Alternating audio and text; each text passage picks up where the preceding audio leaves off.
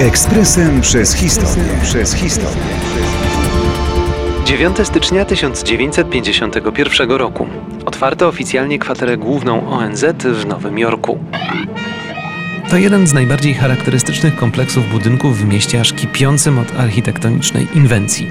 Co więcej, większość najciekawszych nowojorskich budynków jest zlokalizowana na relatywnie małej przestrzeni Manhattanu.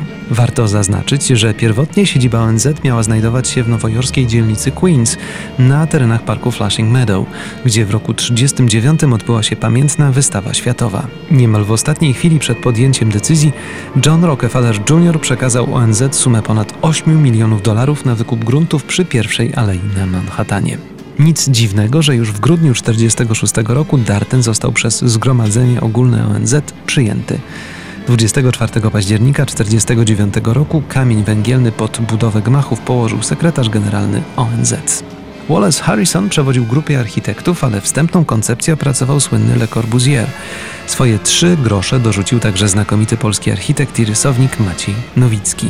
Kluczowym budynkiem jest tu wielki przeszklony prostopadłościan, któremu towarzyszą wieżowce, w których pomieszczono sale konferencyjne.